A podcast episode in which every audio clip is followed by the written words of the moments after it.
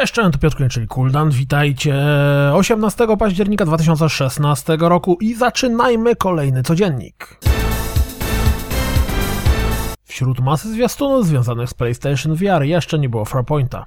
No to już jest. Ledwo wczoraj pisałem o zwiastunach w stylu starych nagrań z VHS-u, a dziś pojawia się nowa reklamówka. Tym razem dotyczy kolekcjonerskiego wydania Sonic Manii. Krystyna Czubówna po przygodzie z Wiedźminem wraca jako sztuczna inteligencja w Alice VR. Sprawdźcie zwiastun prezentujący jej postać. Jak widać ze zwiastuna, Summer Lessons pojawi się również po angielsku. Pojawił się premierowy zwiastun Call of Duty Infinite Warfare. Widzę, że wypuszczenie premierowego zwiastuna z miesięcznym wyprzedzeniem to teraz norma.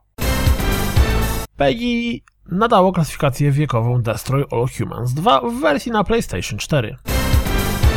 Kiedy twórca Diablo wrzuca dosyć specyficznego tweeta, to wiedz, że coś się dzieje, ale na pewno nie w związku z Diablo.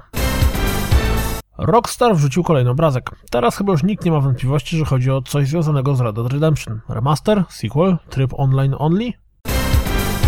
Pojawiły się nowe ploty odnośnie Beyond Good and Evil 2. Gra podobnież ma być bardziej rebootem serii aniżeli sequelem, ma też dostać prawdziwe zwiastun przy okazji prezentacji Nixa, a wstępna premiera jest planowana na lato 2018.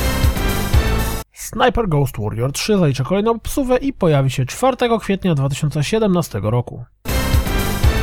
Związek Zawodowy Aktorów podkładający głos postaciom z gier zaplanował strajk rozpoczynający się w najbliższy piątek. Od wielu miesięcy związek stara się wynegocjować lepsze warunki i płace dla tej grupy zawodowej.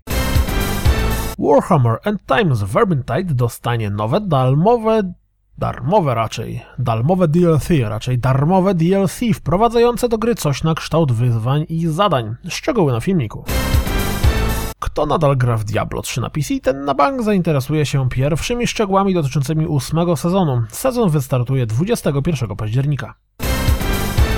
24 października dwustopniowy system zabezpieczenia konta w GOGU zostanie włączony u wszystkich użytkowników. Ciekawi jak prezentuje się Killing Floor 2 na PlayStation 4 Pro? No to rzućcie okiem na to wideo. Koniecznie sprawdźcie ten filmik pokazujący making of tak jakby głównego motywu muzycznego Shadow Warrior 2. Rewelacja.